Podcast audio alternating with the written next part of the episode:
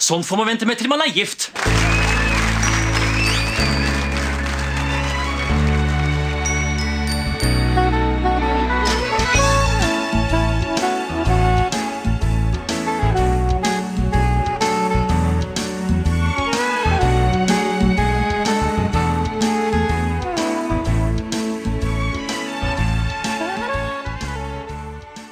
Hei, og velkommen til en ny episode Hei, og velkommen til en ny episode av Norsk film filmklubb. Podkasten hvor vi ser norsk film med et kritisk, men kjærlig blikk. Mitt navn er Emil. Jeg sitter her som alltid ved min gode kamerat Stefan heter jeg. Og i dag har vi sett en film som hadde lanseringsdato 1.12.2000. Det var en eh, riktig julefilm. Hadde jo også en egen julelåt som ble sluppet i forbindelse med filmen, husker jeg. 'Let Me Be Your Father Christmas Tonight'. Den er regissert av Espen Eckbo, Henrik Elvestad og Mattis Fyrst, og kan vel eh, beskrives som en slags pop-umentar? Det er en vri på rockumentary-sjangeren. men At det nå handler om et boyband. Filmen det er snakk om, er selvfølgelig 'Get Ready To Be Boys Voiced'. In the 60s, your mother screamed for the Beatles. In the 80s, your sister fell for Michael Jackson. And now, they're screaming and falling again. Get ready for the documentary exposing a band ready to conquer the world. Jeg merker veldig på meg selv at jeg har blitt en veldig interessant person. Og det merker jeg at jentene også merker, ikke sant? Hvor gamle er de? de er? Jeg vet, jeg vet ikke. Skal ikke filmes på varesentra, det er sikkerhetshensyn. Hvordan kan du være manageren vår hvis du ikke kan engelsk? Jeg kan engelsk! Si noe på engelsk, da. I'm a boy. Ja, og dette, dette er jo noe av det første sånn større prosjektet som Elvestad og Eckbo gjør sammen. Vi husker dem jo liksom best av alt fra 'Nissene på låven' og nå nylig 'Nissen i bingen', som har hatt stor suksess på TV Norge.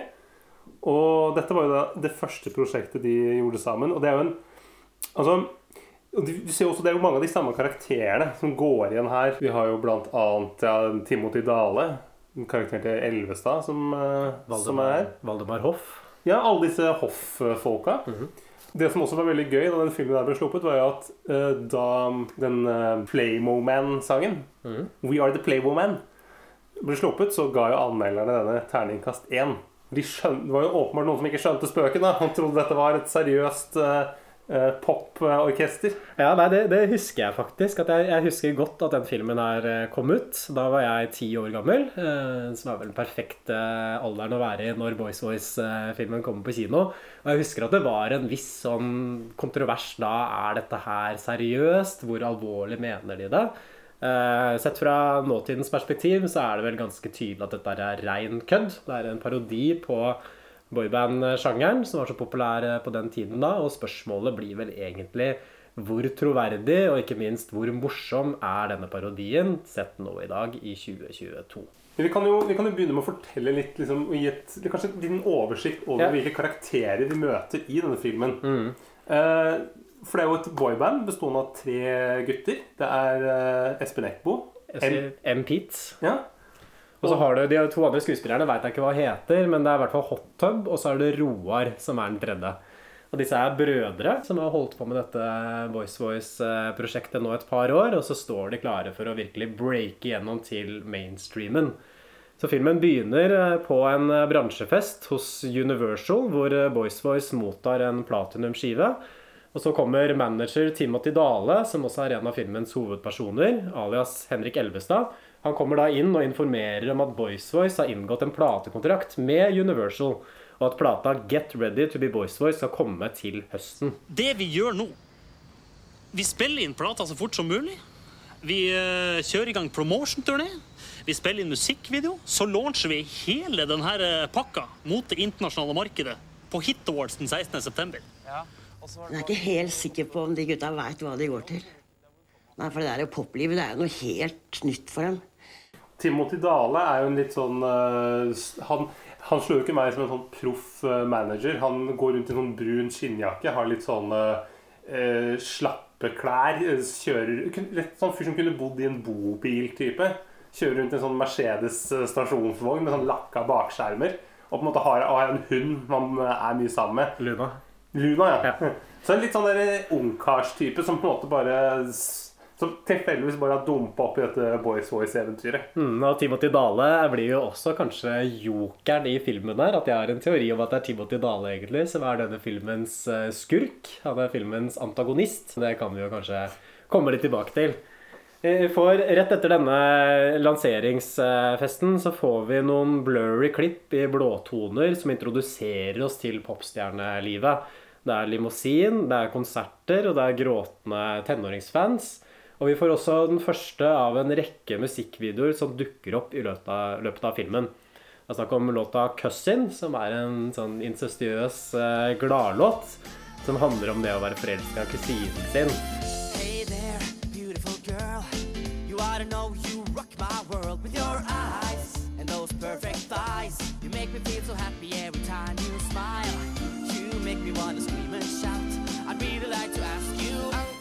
you're my cousin. Eh, hva syns du om eh, musikken til Voice Voice? Syns du den har stått seg, Stefan? Jeg synes jo, Dette er jo faktisk noe jeg kunne slått på på en fest og, og kost meg. Jeg synes jo, Og så syns jeg også tekstene her, sånn som Cousin, er jo, er jo morsom. Det, er jo, det er jo jævlig jeg, jeg ler Jeg ler faktisk mer av musikken her enn av selve filmen. Jeg syns også musikkvideoen er noe av det aller morsomste. Mm. Så også den filmen her med samboeren min, som aldri hadde sett eh, Boys Voice, eller egentlig hatt noe forhold til det tidligere. Eh, Hun også lo veldig godt under cussien, og egentlig gjennom hele filmen, og særlig musikk, eh, musikkvideoene. Så får vi også noen intervjuer som på en måte setter litt sånn konteksten for eh, det man kaller krem de la krem av norsk popmusikk på slutten av 90- og begynnelsen av 2000-tallet. Du har Espen Lind, du har A1. Som er litt sånn overraska over at stiller opp i filmen her, egentlig. Fordi A1 er jo på en måte et av de boybandene som filmen litt parodierer. Eh, Det er også Morten Abel som sitter backstage og sier at de er søte, hyggelige gutter. Vi går deretter tilbake til barndomshjemmet på Vøyenenga. Eh, En ting som jeg syns var litt artig i detalj, er at Boys Voice kjører ikke rundt i en turnébuss. De kjører rundt i en sånn turné-minibuss gjennom filmen. Eller nesten en slags maxitaxi. Er det litt sånn, er det bevisst? Er det, er det, det er kanskje bare fordi de ikke har instrumenter eller noe band, så de trenger ikke mer enn en minibuss? Men det er vel også litt sånn humoristisk tilslag for å vise at dette, disse gutta her er på en måte outsidere i den norske popbransjen som forsøker å breake in, eh, ledet av denne Timothy Dale, som man vel kan si er eh, ja, litt på tynn is i sin kapasitet som eh, manager. Og her kommer jo noe eh, Hjemme hos dem så kommer jo noe av det kanskje mest daterte i filmen. Eh, som en måte som du, at du virkelig skjønner at det er år 2000. For det, da hintes det liksom, det første hintet som legges ut om at han Hot Tub, den ene vokalisten i Boys Boys Voice, at han er homo. For da gjør det et poeng ut av liksom, at han gikk med kjole da han var liten. Og så eh, kommer faren med en sånn der kommentar om at æsj, eh, æsj. Altså, det, det, er ikke, det er ikke greit, liksom. Ja. Og da får jo vi som, eh, vi som seere, vi tenker jo ja, er han er han homofil, han der? Mm. Det er et, det er et frampek, rett og slett, mot en vending seinere i filmen. Selv om det blir vel aldri riktig avklart om hvorvidt Hut Tub faktisk er homofil Jo, eller jo, det kommer, eh, det Nei, for det er Timothy Dale som får han ut av skapet på den konserten på Vinstra. Ja, men det kommer, det kommer seinere òg. Så kommer det en, I epilogen, Ja. i slutten av filmen, eh, så kommer det en, en scene hvor Hot Tub går hånd i hånd sammen med sin, sin nye kjæreste. Og har på en måte startet nettside boysboys.com. boysboys.com, ja, stemmer. Men eh, ja, så man, så, så man skjønner at er, eh, de er altså brødre, disse her tre. De fikk eh, gjennombruddet sitt på Liertoppen kjøpesenter i 1996, hvor de ble også oppdaget av denne Timothy Dale. Vi introduseres også for Linn Skåber, som spiller promotion-ansvarlig Wenche Pettersen. Min jobb det er jo å ja, sørge for at Boys Voice blir profilert viktig. At de fungerer i forhold til presse, media, radio, som måtte være. Uh, utrolig spennende jobb. Jeg får treffe masse kjendiser. Nei da. Jeg blir vant til det etter hvert. Så. Jeg jobber mest Altså Turnéminibussen er på vei til et kjøpesenter for å signere noen skiver. Og på det kjøpesenteret så møter vi en, eh, enda en viktig karakter i filmen. Som er da gruppas mest dedikerte fan, en 14 år gammel gutt som heter Ove. Som også er spilt av Espen Eckbo. Han skriver særoppgave om Boys Voice, og så driver en online fanklubb. Ja, og denne Ove-karakteren er jo også en av liksom, de mest kjente karakterene til Espen Eckbo. Det er jo han eh, Det er jo den, liksom, den mest kjente scenen med han er jo på en måte konfirmanten, hvor Mm. han uh, får fyrstekake i reguleringen. Og på en måte bare sitter opp i et veldig fint sånn møblert hjem og sitter og snakker om alle gavene han har fått. Og ler en veldig sånn derre Sånn jomfruelig tenåringslatter, da. Kan vi Ja, si. snakker, snakker litt sånn der. Ja. Saklig. ja. Det er- det er litt sånn interessant film i Espen Eckbo sitt uh, verk, kan man si. For det er en slags sånn mellomfilm, opplever jeg det som, i hans karriere. Fordi han starta jo vel på Var det Mandagsklubben, eller var det Torsdagsklubben som var først på TV? Det var Mandagsklubben. Ja, Mandagsklubben, ja. Med Thomas Giertsen, Otto Jespersen og Silje Stang. Det var Silje Stang med der? Ja, Silje Det var ikke Silje Stang med i Torsdagsklubben? Nei, jeg, kan ikke forskjellen på de klubbene. Dette her har vi ikke tid til å gå inn i nå. Vi kan snakke om Vi kan en egen spesial. jeg egen egen om torsdags- og mandagsklubben. Ja, der er, der er det mye å ta av. Men i hvert fall, han starta med å lage sketsjer der på, på TV Norge, hvor mange av disse karakterene ble introdusert. Ove og Valdemar Hoff, også den Securitas-vakten som vi møter litt seinere. Også Asbjørn, faktisk, den kjente Nissene på låven-karakteren, eh, dukket først opp der. Og så ble han jo mer en etablert komiker etter hvert, eh, med sine egne programmer, sine egne eh, små historier. Jeg føler kanskje at Boys Voice er det prosjektet hvor det tipper over litt for han, da, sånn karrieremessig. Hvor han virkelig blir den Espen Eckbo som vi i dag eh, kjenner. Vi får en ny musikkvideo, 'What's Happening To My Body', som er en låt om puberteten. Eh, Jeg vet ikke hva du tenkte, Stefan, men jeg syns de fikk til den der seint 90-tallsestetikken veldig godt akkurat i den videoen der. Ja, for det er de der, det er de der duse fargene som Ja. på en måte er litt sånn eh, Og litt sånn at alt er litt sånn uklart og uskarpt. Ja, Veldig sånn hard lyssetting Mm. med diffus fokus, Ja, med blåtoner. Nesten litt sånn pornofilmaktig Mm. Litt sånn Hurtigruta ja, liksom sånn, en, en, eller annen sånn, ja, sånn billig reklamefilm. Mm. Altså, altså bruk av sånn der fortfilm, så liksom karakteren iblant så flasher forover, Mm. sånn brå bevegelser, og så dreier det ned, så kommer det enda en sånn brå bevegelse. Og, og, og sånn sølvskinner som bare ligger over det hele. Klippearbeidet her er jo gjort veldig bra på de Mm. musikkvideoene. Uh, du ser at det liksom har vært en, en, noen som har skjønt En klipper som faktisk har humor, som er laget der. Og mm, det som, det som også er gøy, er at vi får sånne innimellom så kommer det sånne intervjuer med liksom, med liksom disse her Hot Tub og Empeat og sånn. Og da er det jo er en fin sekvens der hvor på en måte Empeat sitter og liksom blir intervjua, og så spør kamerafyren, som er Henrik Elvestad, reporteren, hvorfor tror du musikken deres har blitt så populær? Og da mener M. Pete at grunnen er fordi at eh, folk kjenner seg igjen i tekstene. Hmm. Som er et sånt der, sånn klisj, Det må jo være mest klisjé sånn boyband-svaret som en fins. Ja, hva- hører sånn dårlige artister. Hva er det, hva er det han sier her? Ja, vi har en låt som handler om oppveksten, og han har jo vokst opp, eh, liksom. Men det, det viser seg altså at bandet sliter litt med sånn back, tilbake til hot tub-plottlinja med, med homorykter. Noe M. Pete på det sterkeste vil ha seg frabedt. Uh, vi, går, vi går videre til en innspilling hvor vi møter Trond-Viggo Torgersen, som spiller en uh, rullingsrøykende produsent. Litt sånn striåra type, egentlig. Peker kanskje litt fram til uh, Pirka-karakteren til Robert Stoltenberg. Det er på en måte en krysning mellom Pirka og Skotten. Robert Stoltenberg har jo lært mye av Espen Eckbo, tror jeg. Og, Ja. og særlig den filmen her. Det der med å spille masse ulike karakterer. Alt er sånn forholdsvis stereotyp, men også få deg til å føle for disse karakterene på en eller annen måte. Blanding av humor og drama. For det er jo borettslaget som kom i 2001, er jo Mm. veldig likt. Det eneste er vel at det er litt, litt mer sånn sukkersøtt enn det Ja, her. ja. Espen Eckbo har det mørke i seg. Det kan vi også komme tilbake til litt seinere i filmen. Eh, Her skjer det også en viktig plottutvikling, egentlig. For at M. Pete eh, Det viser at han synger veldig surt.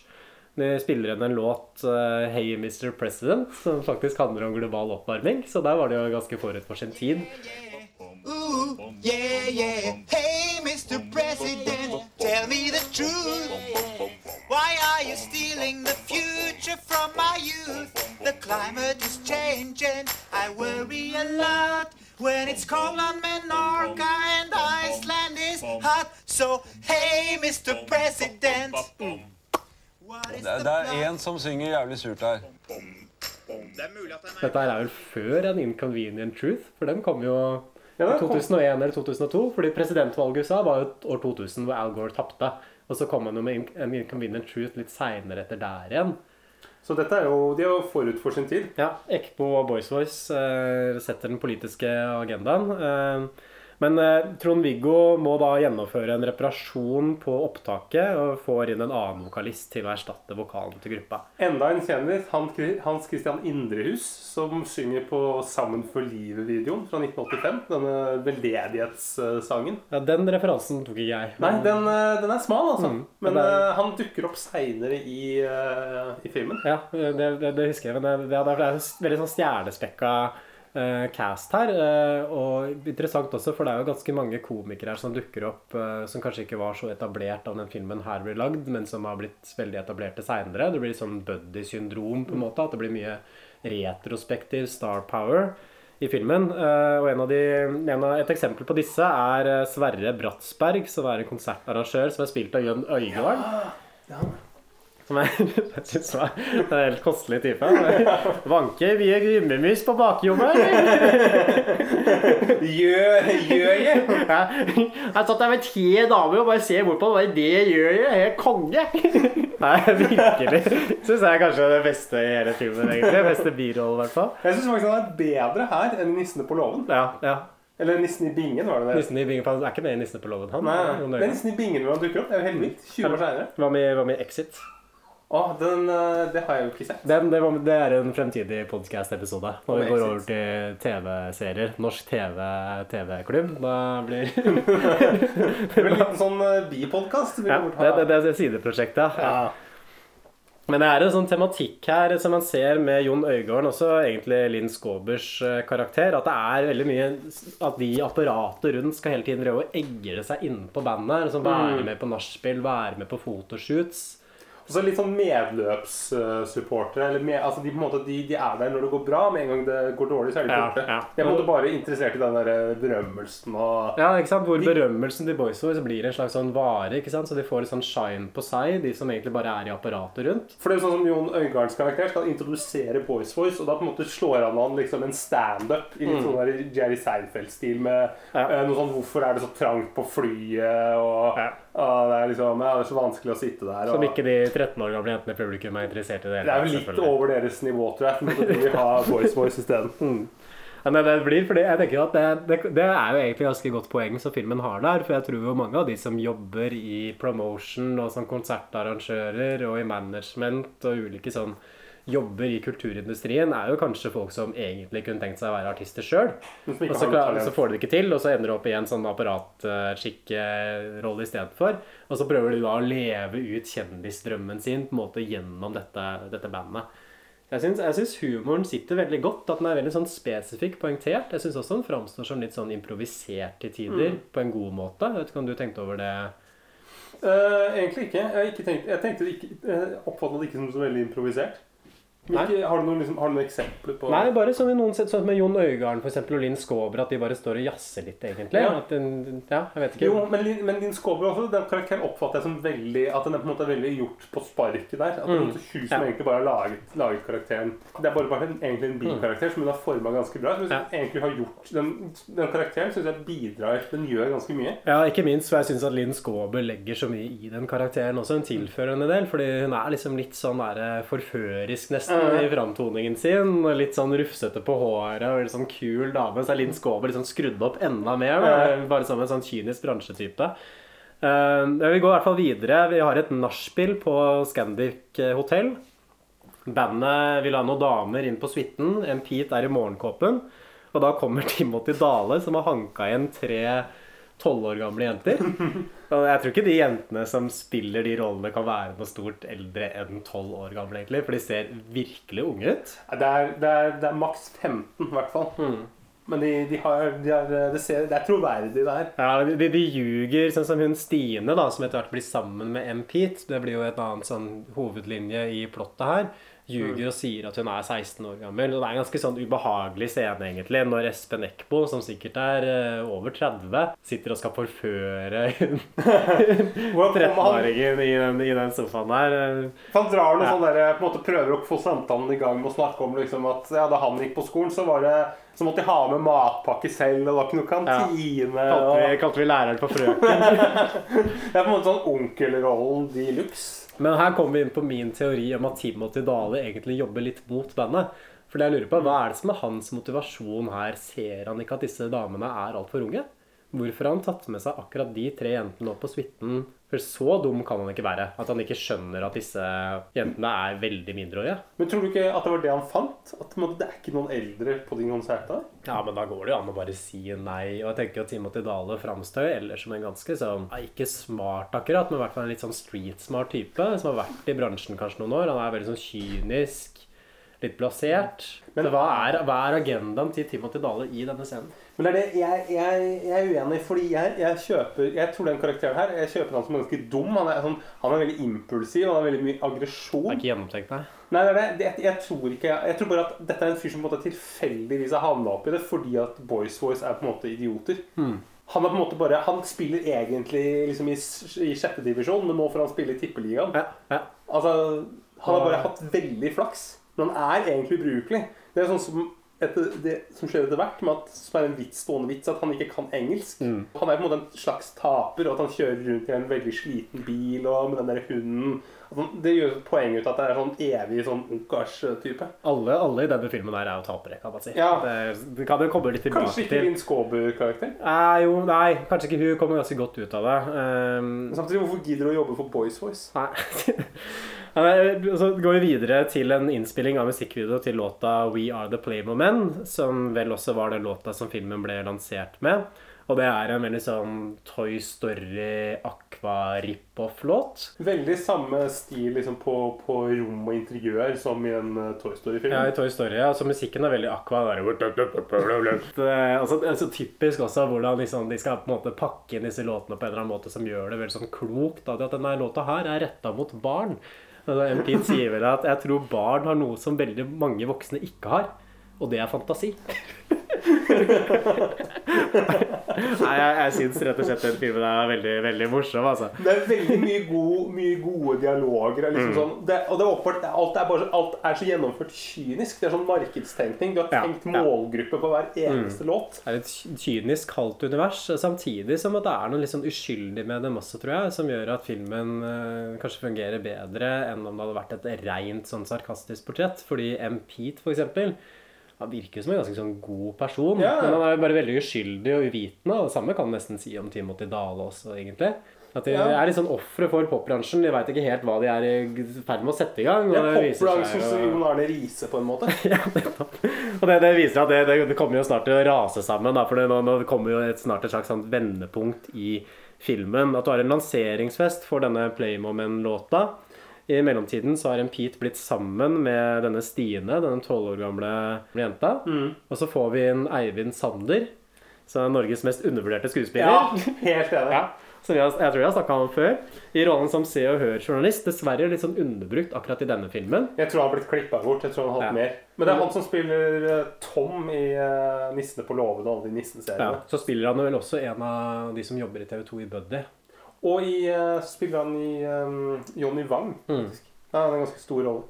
Men han tar da og fotograferer bandet for Se og Hør, inkludert da Stine. Og dette her eh, Jeg syns egentlig filmen er ganske god på å sette opp disse dramatiske plottlinjene tidlig, som etter hvert får en sånn payoff da, senere i filmen. Og dette her er en av dem. Og da, da er vi videre, da kommer vi til den veldedighetskonserten Ja. som holdes på et eller annet Det er kjøpesenter. store vendepunkt i filmen. Ja. For da er det, da er det masse publikum, masse tolvåringer rundt omkring. Og bandet står på scenen. Og det gjøres et stort poeng ut av at de skal gjøre dette helt uten instrumenter, for det er en a cappella-låt. Ja. Vi er i gang, og så skjer det. For da begynner det å hakke.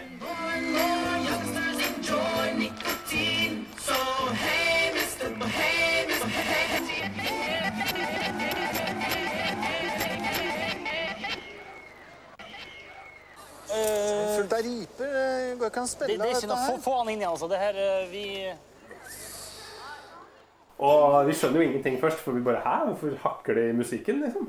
Og så viser det seg at det er jo det er fordi de spiller en CD. Det er jo ingen som står og synger. De bare mimer. Ja, det er- Altså, hakk i CD-plata. Det er jo selvfølgelig playback, fordi det har jo allerede blitt etablert at Boys Voice synger egentlig ikke sjøl. Det er gjestevokalister som tar vokalen til M. Pete fordi han er for dårlig til å synge, rett og slett.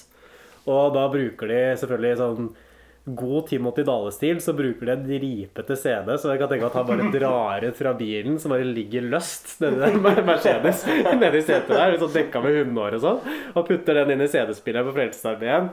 Og ja, så begynner det å hakke, og publikum skjønner at de har blitt lurt. Dette er Mm. et opptak, at bandet spiller ikke sjøl. Og det blir, en, det, blir en, det blir en svær eh, dramatisk scene her. Eh, Timothy Dale slår til en fra Frelsesarmeen. Faktisk flere ganger. Jeg tror han slår flere i Frelsesarmeen. Ove blir uh, tråkka ned, denne 14 år gamle fanen deres, med pubertetsstemmen. Og her begynner egentlig problemene for bandet, hvor alt begynner å rase sammen. At de får veldig mye negativ presse. Og ikke bare i forbindelse med den Frelsesarmé-konserten heller. Eh, Det ryktes at bandet ikke synger selv. Og det kommer også for dagen i Se og Hør at M. Pete er sammen med en tolv år gammel jente. Som jeg føler at filmen ikke gjør så veldig stort poeng av, egentlig. Nei. At han er et slags sånn pedofilt parforhold. Du får nesten inntrykk at det på en måte er greit. Det er sånn litt over streken. Litt over- Kjærlighet har ingen aldersgrenser, sier Linn Skåber. Og det virker jo på en måte som at de egentlig det med den tolvåringen er jo det som egentlig settes for, i fokus under den pressekonferansen. og sånne ting. Det er Mm. det som er problemet. Det med at de sang selv. Virker det som at de egentlig kunne greid å lure seg unna. Men så gjør vel liksom han derre Timothy, Timothy Dale Han gjør jo sånne flauser med at han blir veldig sint på pressekonferansen. Og på en måte begynner å skrike opp om når de begynner å spørre om liksom, ja, sang de, synger de selv. Og Mm. så svarer han veldig sånn eh, Ja, vi synger vel Ja. Svarer aggressivt, ja. ja. Han ser det ikke bra. Han er en veldig dårlig figur. Og like etter så er det i møte med plateselskapet, som dropper bandet pga. disse presseproblemene. Er her det kommer fram at Timothy Dahl ikke kan engelsk. En ganske morsom scene. For han sitter bare og nikker og smiler, Ja. kjempefornøyd. Og den fra Universal sier til dem So we have decided to drop the deal of one million dollars. We cannot go on. We will never give out your music. Og da sitter Timothy Dale bare og smiler. One million dollars, gutta! Dette her er jo kjempebra! uh, bandet splitter opp. Uh, Linn Skåber slutter som promotion-ansvarlig. Timothy oh. Dale fortsetter faktisk som manager, men ja, bandet er over, da. I hvert fall inntil videre. Han tjener fortsatt penger eh, på bandet, selv om de nå har gått tilbake til vanlige jobber. Han der er Roar, som, måte, som virker som en sånn jævlig trivelig fyr. Han på en måte mm. glad, skikkelig gladlaks. Han er helten i filmen, syns jeg. Ja, enig. Han er min eh, Han på en måte takker popbransjen så seriøst. Han Han sier at det er deilig å være tilbake som rørlegger. Og så har du han M. Pete og Hot Tub. De driver og flytter eh, møbler. De på en måte flyt, jobber i flyttebyrå. Ja, de jobber i flyttebyrå. Det har bare tatt to uker faktisk før de havna der. to uker tok det fra det møtet hos plateselskapet til de allerede er godt etablerte i flyttebransjen. eh, Pete og Hot Tub, eh, mens Roar eh, jobber som eh, rørlegger. Pete satte jo utdanningen sin på pause for å satse på popkarrieren. Mm. Det er, det er en veldig sånn lang montasje som er filma en sånn blåtone hvor M. Pete sitter og gråter på et intervju. Hvor Ja. fans, Morten Abel og Espen Lind, alle tar avstand, og det kommer fram at Stine har gått fra ham. Og her er det noe, kommer noe av det som jeg tenker kan snakke litt om seinere, som er det derre mørke i Espen Ek Ekmo sin humor. At det går på en måte alltid så jævlig dårlig for karakterene. Altså Boys Boys får jo en slags sånn renessanse, men jeg vil jo si at også slutten på filmen som vi ikke har snakka om ennå, Mm. er ganske sånn tvetydig. Og det tenker jeg går igjen i mye av humoren også. Så det er veldig, det er veldig trist. For det er ikke en gladslutt. Det er ikke noe happy ending. Nei, og det dveler også ved dette er triste. Jeg tror det er bare Mm. montasjen hvor han bare sitter og gråter og uh, uh, uh, Det varer liksom fire-fem minutter. Bare sånn sakte film. Og det er ikke noe, det er ikke noe Dette skal jo være en komedie. Det er ikke noe morsomt å se, å se han sitte og gråte. Kan kanskje klippe inn et uh, lite utsnitt fra den. Jeg vet ikke, Det virker bare som om folk liksom har bestemt seg for at Boys Voice det er, det er noe dritt. Og de synger ikke selv, og de er helt ute. og Jeg, jeg har sunget alt i studio, men så hører jeg jo etterpå selv at det, det ligner jo altså det, jeg, det er jo ikke alt som ligner på min stemme. men Jeg, jeg vet da faen hvem som Det er jo ikke jeg, det er, ikke, det er produsenten som gjør sluttmiksen på de låtene, ikke sant? Hvis det er noe jeg absolutt ikke får til, ikke sant, så er det Da er det jo bare Da må da, må- Og så prøver jeg, så hører jeg at det er liksom Så hører jeg på låta når den kommer på plata, og så tenker jeg faen! Det er ikke Det er ikke meg! Men alle, alle klovner har liksom tragiske sider. Da. De er alltid trist klovner. Alle klovner er triste, var masken! Det kjenner jeg veldig godt til. Ja. Det er et lyspunkt i denne tristessen, og det er det at M. Pete har brukt uh, inspirasjon fra den vanskelige tiden til å skrive en låt, nemlig 'Twelve Year Old Woman'. Og det vil jeg si er et uh, kunstnerisk høydepunkt for bandet. Jeg syns den låta er liksom oppriktig flott. At det, Ja, særlig det refreng, jo, det refrenget der. Den er jo nesten litt sånn min første kjærlighet, uh, Jahn Teigen, på en måte. Det er noe av det samme Du, du vil ha mikken der? Det er bare synd at ikke flere har plukket nå. So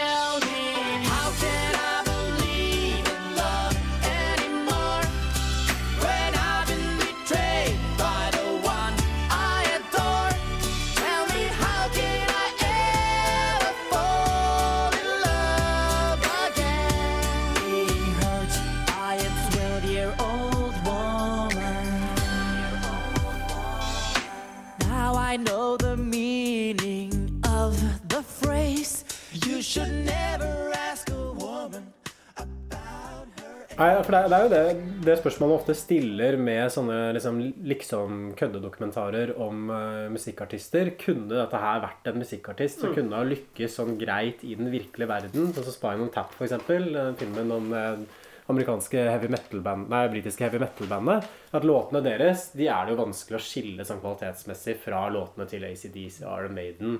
Det er på en måte der oppe. Og i Boys Boys-filmen så er det kanskje 12 Year Old Woman og kanskje What's Happening To My Body som jeg vil si kunne passert, da. For å ja, være en ikke den ordentlig uh? Nei, jeg tror det er så stort marked. Yeah, yeah. Det blir litt sånn duo-aktig, syns du ikke det? Kanskje litt 60-talls Å ja, ja, ja, men jeg kjøper litt sånn baseballs-aktig. Jeg tror den har eh, Jeg tror også den der Let Me Be Your Father Christmas Tonight. Ja, den ble jo sluppet som en singel. Ja. Men den, den er faktisk ikke med i den filmen der. Let me Nei, be your er Father. Christmas Tonight. Men den er jo merkelig. Jo, den spiller helt i slutten. Måtte den rulleteksten vår. Ja, det hadde jeg skrudd av. Men nei, jeg ser alltid rulleteksten. Kan komme snadder da. Ja, det, så de kommer seg tilbake på hesten. Vi kan jo gå litt kjapt gjennom. Det er ikke så interessant nødvendigvis alt det som skjer i plottet akkurat her. De skaffer seg spons fra Frionor fiskepinner. Bestemmer seg for å gi ut eh, plata på internett. Og så spiller de på en sånn countryfestival på Vinstra. Hvor Atle Antonsen har en slags cameo-rolle som eh, festivalsjef eh, der. Som en sånn arrangør som snakker en sånn gudbrandsdøl-dialekt som ingen skjønner noe av i det hele tatt. Som er veldig sånn jovial. Og... Inkludert meg. Jeg forsto ikke de replikkene. Nei, jeg hadde Jeg tror jeg hadde tekst. Mm. Men det var, det var i hvert fall poenget var jo at uh, stjernelivet nå på en måte var jo bytta ut med det å bo i et jævla telt og Ja, bæsje i en bøtte. Det bygger, bygger seg opp, vet du. De må jo starte et sted Mm. igjen. Og um, konserten på den countryfestivalen går ikke så veldig bra. De ender opp med å bli bombardert med fiskepinner. Og det hjelper ikke på stemninga heller når Timothy Dale annonserer at Hot Tub står fram som homofil. Midt i låta så kommer han inn på scenen. Jeg kan også annonsere at uh, i dag har en Hot Tub valgt å stå fram som homofil. Og da kaster eh, publikum fiskepinn på han. Da blir det enda mer buing. Og her, en, en liten sånn fun fact er jo her dukker jo enda en nisse på låven-fyr opp. Han derre Nikkis, han som spiller Ja, eh, ja. Svein i uh, 'Niste på Ja. Theo Filikinakis, eh, er det ikke Ja. noe sånn han heter til han? Mm. Han spiller også i Hotell Cæsar. Ja, Pelle er en liksom sånn comic relief. Det er Kanskje den beste karakteren. Mm. Ja, han, han er representanten for Frionor uh, fiskepinner. Kanskje ikke den mest sånn minneverdige rollen i filmen. vil jeg si. At Han synes jeg kunne brukt litt mer av den, men samtidig så er det jo Jeg kan jo skjønne også at det har nedtona sånn enkelte elementer, for det er jo veldig mye som liksom hele tiden truer med å ta oppmerksomheten bort fra hovedstoryen her, med Atle Antonsen og Øygarden og Trond-Viggo Torgersen. Så jeg syns egentlig det er en fin balanse som filmen treffer mellom å liksom ha disse små kameoene, men som ikke tar helt overhånd. Ja, for jeg synes en eh, Nikkis karakter er Han, han gjør, gjør det, Han er nesten litt sånn straight man, men tillegger liksom noe sånn krydder. Mm. Ved å være en litt sånn der klein markedssjef. Jeg syns han får til det bra, altså, uten at han overtar. Uh, bandet er i hvert fall i rute da, fram mot Hit Awards, hvor de på en måte skal lansere seg for det internasjonale markedet, er planen.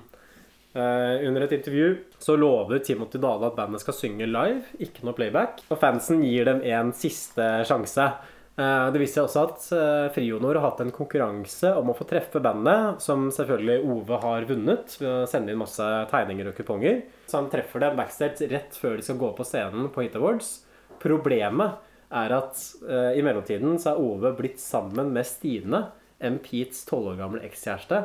Og når hun kommer inn i backstage-området da, så får eh, selvfølgelig M. Pete eh, et eh, realt slag i trynet. Som ender opp med at han ikke kan spille konserten. Og igjen så synes jeg Dette er kanskje litt sånn lite troverdig for meg. Fordi ville ikke Ove visst at det var M. Pete sin kjæreste hvis han er bandets største fan? Mm. Dette var jo en svær sånn mediestorm. Men Ove er sånn, en litt sånn enfoldig karakter. Så må jeg at han ikke har tenkt over at dette er et problem. Han tenker på en måte at det må han jo ha tenkt. Tror du det? Ja, men fordi han, han nevner jo det heller ikke når hun Stine kommer. Ja, kjæresten min Stine, få inn.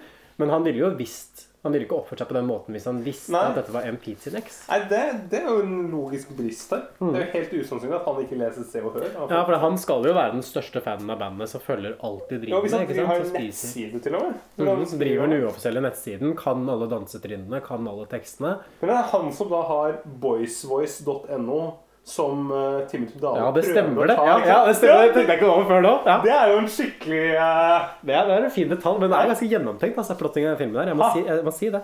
Og det, det jeg lurer på også er hvorfor er det Stine blir med inn sånn en ting at hun vil ikke komme inn Mm. på selve backstage-området, men hun står jo rett rundt døra. Kunne ikke sagt til Ove sånn Du, jeg venter her, eh, her ute. Jeg Mm, går mm, hun må jo skjønne at dette er så At dette kan bli en situasjon. Igjen så føler jeg kanskje at historiefortellingen jeg føler meg jævla dum som sitter og kritiserer Voice Voice på det planet her, men det- blir litt på en måte litt sånn contrived. At det er ganske mange sånn ulike elementer som skal settes i spill for at alt skal klaffe. Det er ganske sånn komplisert historie, egentlig, hvis man tenker over Ja, det er tilbake til Timothy Dale, introduserer bandet for disse tolv år gamle jentene. Hun blir sammen med M. Pete. Det kommer i Se og Hør.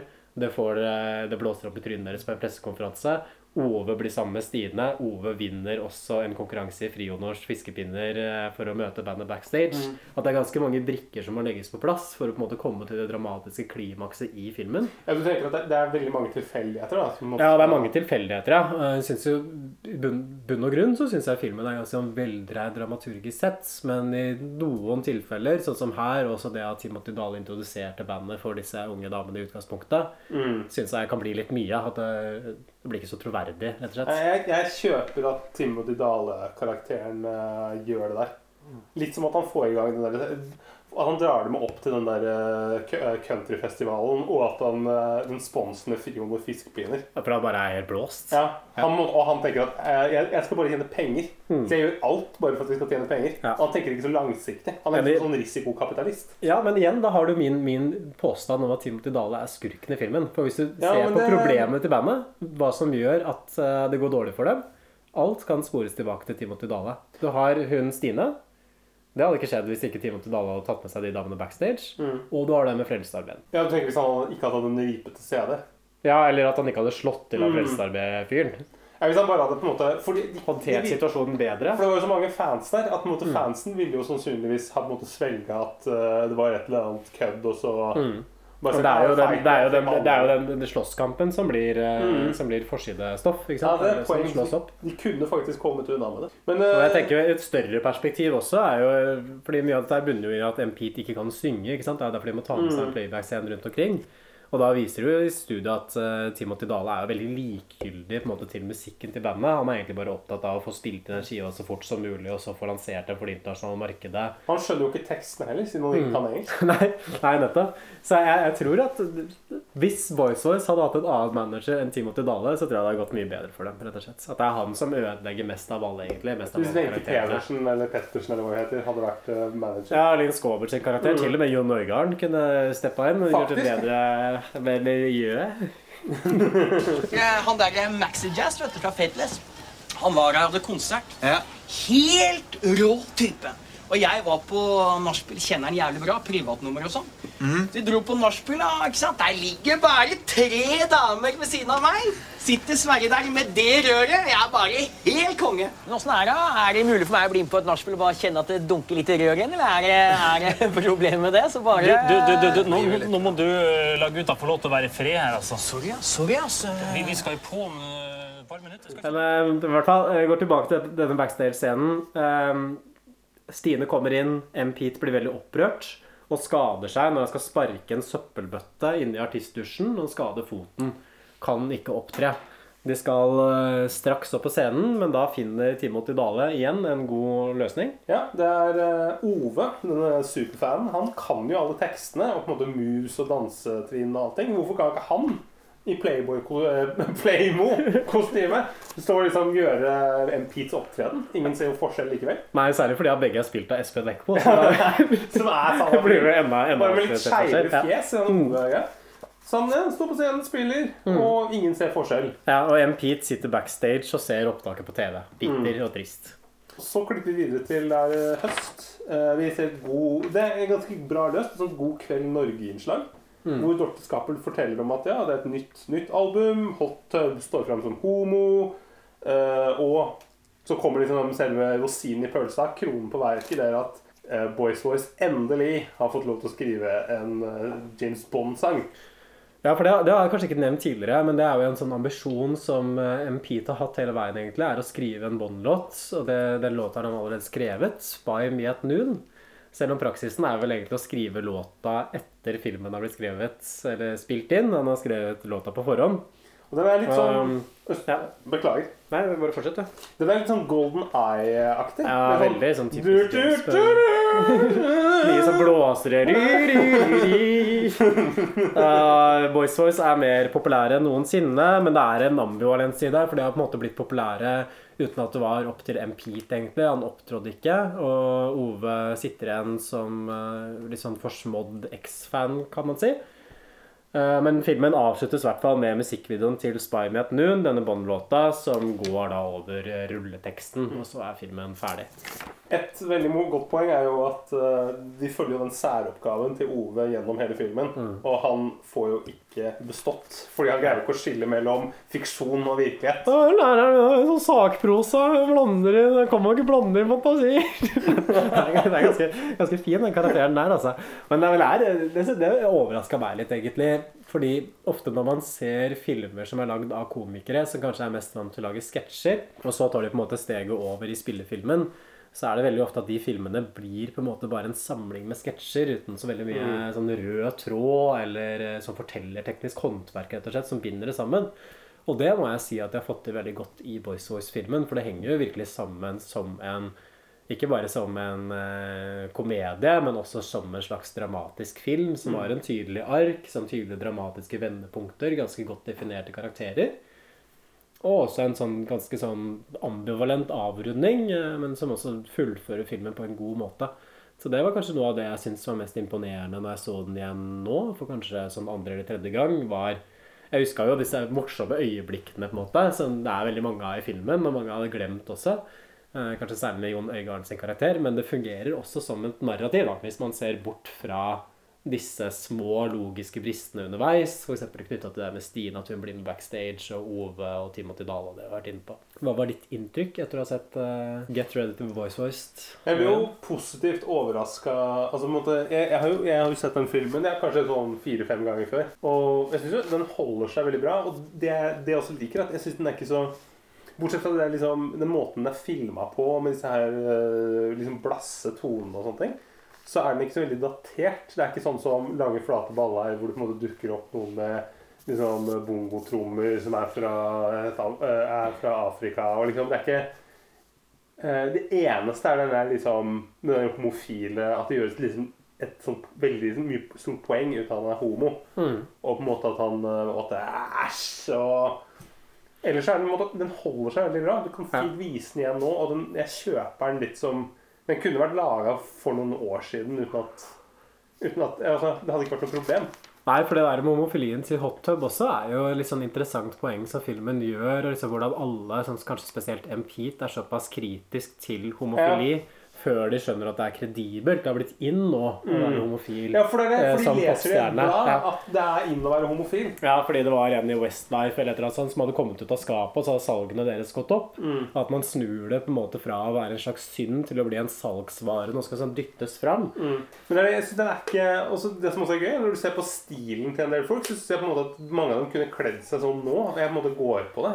Ja, det er ja. Jo, men du, det vi er på tidlig 2000-tall nå når vi spiller inn dette her eh, i eh, 2022.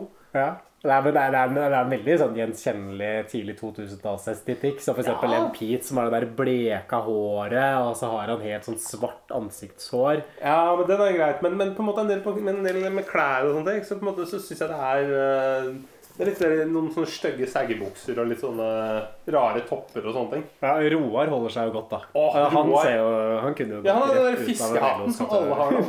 Den der Pål på Bang-Hansen-lua. Sandboy-stilen. Jeg tror det er litt det at Roar framstilles som, som kanskje en person som henger litt igjen på 90-tallet motemessig. Og nå har på en måte 90-tallet blitt inn igjen, så nå virker Roar som den hippeste av det akkurat nå. Men om fem år så er jeg sikker på at eh, han kommer til å framstå som den verst kledde. Tubb er mest uh, bakpå, syns jeg. Han, han har den der lille flippen. Den derre Hva er det vi kaller det for noe? Er det en eh, Altså fittkost, det de Ja, kaller det på. Hamar. Ja. Og han uh, MP tar fittemopp. Det har jeg ikke hørt før. Bare Kan du ikke beskrive, kan du ikke beskrive hva det går ut på? En uh, fittemopp. Uh, det er på en måte som at uh, noen har liksom lagt en, eh, en slags en mopp, en runding, rundt liksom fjeset ditt. Som en, liksom, som en smultring. Og midt i den smultringen som på en måte er Der er munnen. Ja, da er jeg med. Eh, jeg vil gå tilbake til et tema som vi var litt inne på før, eh, som er dette her med Espen Eckbo som en humorist. Fordi det slår meg liksom når jeg ser tingene hans, at det er alltid veldig sånn sørgelige plottlinjer. At du har i den filmen her, eksempel, sånn en Pete som gråter etter at bandet er oppløst. Hans personlige tragedie, for han er jo ikke klar over at bandet ikke har brukt hans vokal, egentlig. Dette finner han først ut seinere. Så sitter han sånn det er ikke meg! At det tar det litt sånn langt. Det, man kan ikke sitte og le av det der. Det slutter å være morsomt på et eller annet tidspunkt. Og da er også Som i Tett på treet, eksempel, så har du jo den Ernst Øyvind, denne nå kansellerte karakteren. Han detter vel ned fra en balkong eller et eller annet sånt og blir lam. Eller i hvert fall alvorlig skada, for han skal ut og ta seg en sigarett. Eh, I 'Nissene på låven' så var han veldig mye sånn, med Trond Faustad Aarvågs karakter, som også detter ned og havner i rullestol og blir lam. Du har eh, Bent, ikke sant, Atle Antons karakter i 'Nissene på låven', som vinner over Asbjørn eh, til slutt, helt ufortjent. For han bare kommer inn på en sånn walkover-seier. Og også Asbjørn Brekke er jo egentlig en ganske sånn tragisk karakter hvis man tenker over det. Som en sånn alkoholisert og ensom mann. Så jeg vet ikke hva du tenker på dette her, men jeg, jeg syns det er noe sånn med Espen Eckbo at det, det blir fort veldig mørkt, og det blir fort veldig trist. Men jeg syns han er på sitt beste. Altså Det er det som gjør Espen Eckbo til en god, eh, god komiker. Som på en måte for meg gjør at Sånn som det der Asbjørn Brekke, det der showet som han hadde. Som bare gikk på at han bare misforsto underveis. Og på en måte Mm. når han skulle intervjue Anne-Kat. Hærland og At måte det ikke funker. Men med en gang han måte drar fram det der litt sånn mørke, så blir det mye bedre. Og du skal jo også huske på at de fleste av disse, disse seriene så er det jo liksom Den ender jo stort sett positivt. Det er jo Med Ernst Øyvind så faller han ned fra balkongen, men han på en måte får jo tilbake Han møter jo kjæresten sin igjen. Han blir jo sammen med eksen sin igjen, som han på en måte har jobbet hele episoden med å bli sammen med. Ja. Eller denne fyren som eh, som får en venn som havner i rullestol og som, og føler seg utenfor. For nå kan de ikke lenger sitte og kjøre, se film. For nå, han, nå driver han andre vennen bare med rullestolbasket. Men så blir han selv påkjørt og havner i rullestol. Og så er alt jævlig bra igjen, for da kan de spille rullestolbasket sammen. Jeg syns jo det, det er det som er det, det er der Espen Eckbo er på sitt beste. Det er det tragikomiske. Mens, mens med en gang den tragiske delen forsvinner, sånn som på Asbjørn Brekke Show, hvor det på en måte bare blir sånn flåsete, så er det Det er bare sånn karakter. blir det mindre, mindre interessant, ja. Det er vel -hmm. kanskje det som er noe av det jeg syns er så spennende også med Espen Eckbo som en humorist. Da. Hvis du sammenligner ham med de andre humoristene fra, fra hans generasjon, Mm. sånn Bård og Harald, eksempel, Atle Antonsen, Kristoffer Schou, ikke sant? Eh, Som er liksom den miljøet, den bevegelsen som Espen Eckbo er en del av, så vil jeg si at han alltid skiller seg ut. At han har kanskje den der interessen for det tragiske, litt for det menneskelige. Det er kanskje en sånn tydeligere empati iblant som ligger bak det Espen Ja. Kommer med. Det jeg opplever sånn særlig fra Åpen post og Lille Lørdag, Tre brødre som ikke er brødre. Så er det mer sånn regelrett utryting. I Espen Eckbo så er det en sånn man har en sånn interesse for de mer sånn menneskelige historiene og det, det mer sånn humane oppi alt sammen. da. Det syns jeg også bæres fram tydelig i, eh, i Get Ready to be Boys Voiced også. Til og med i en sånn karakter som Jon Øigarden, Mm. som er jo bare en dust. ikke sant? Som bare er jo en jævla idiot. Jeg ikke være med bandet på nachspiel. Men samtidig, han har en sånn tristesse ved seg. At du skjønner at dette her er en person som kanskje lever litt gjennom dette rockeband-tilværelsen. Mm. Gjennom å prøve å liksom framstå som en sånn kul type, og så ender det opp at han bare sitter helt sånn dritings i gangen og faller over. Patetisk, trist figur, men samtidig som man, man forstår litt. Man kan tenke at jeg også kunne ha vært den personen Mm. der i et annet liv. Og det får man ikke alltid med Lille Lørdag eller Åpen post eller Torsdag kveld fra Nydalen eller de andre tingene som er naturlig å sammenligne Espen Eckbo med. Det er i hvert fall ikke torsdag kveld fra Nydalen og det, det som kommer etterpå. Jeg syns du, du har det litt i Thomas André, den der karakteren til Harald Eia, Ja, ja. som, Mm. bor, eh, som bor, er veldig ensom og har den der Det er et godt poeng. Det er en veldig sånn Eckbo-aktig karakter, Mm. synes jeg.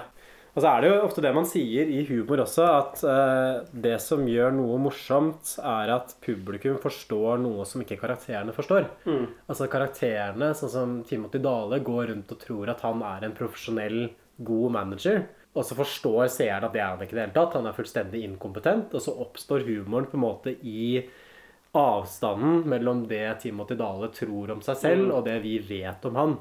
Og hos Espen Eckbo så pushes jo det veldig til yttergrensene, syns Ja, det er jo litt sånn som med en Pete, som på en måte tror at eh, tekstene hans er liksom veldig dype. Mm. Eh, for at han skriver om eh, at barn har Han sier liksom ja, når han sier at ja, barn har noe som voksne ikke har. De har fantasi. Så sier han det med en sånn der mine som at dette her, det er den første i verden som har kommet på. Dette er helt ekstraordinært. Se for meg. Jeg har på en måte kommet med noe, noe nytt her. Ja, det Så skjønner vi som ser at Nei.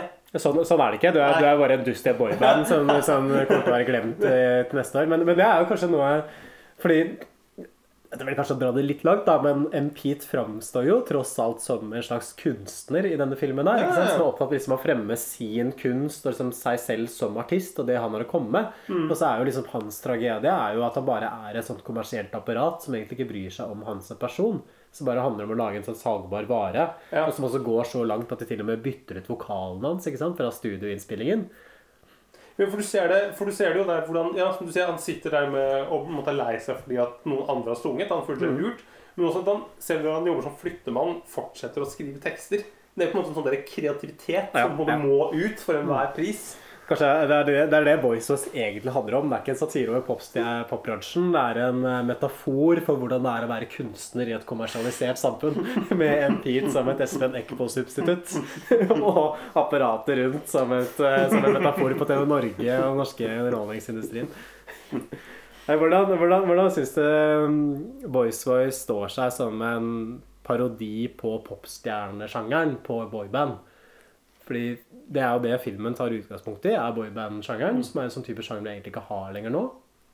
Men synes det fungerer som en slags sånn tidskapsul, eller sånn portrett, liksom av den perioden i popmusikken.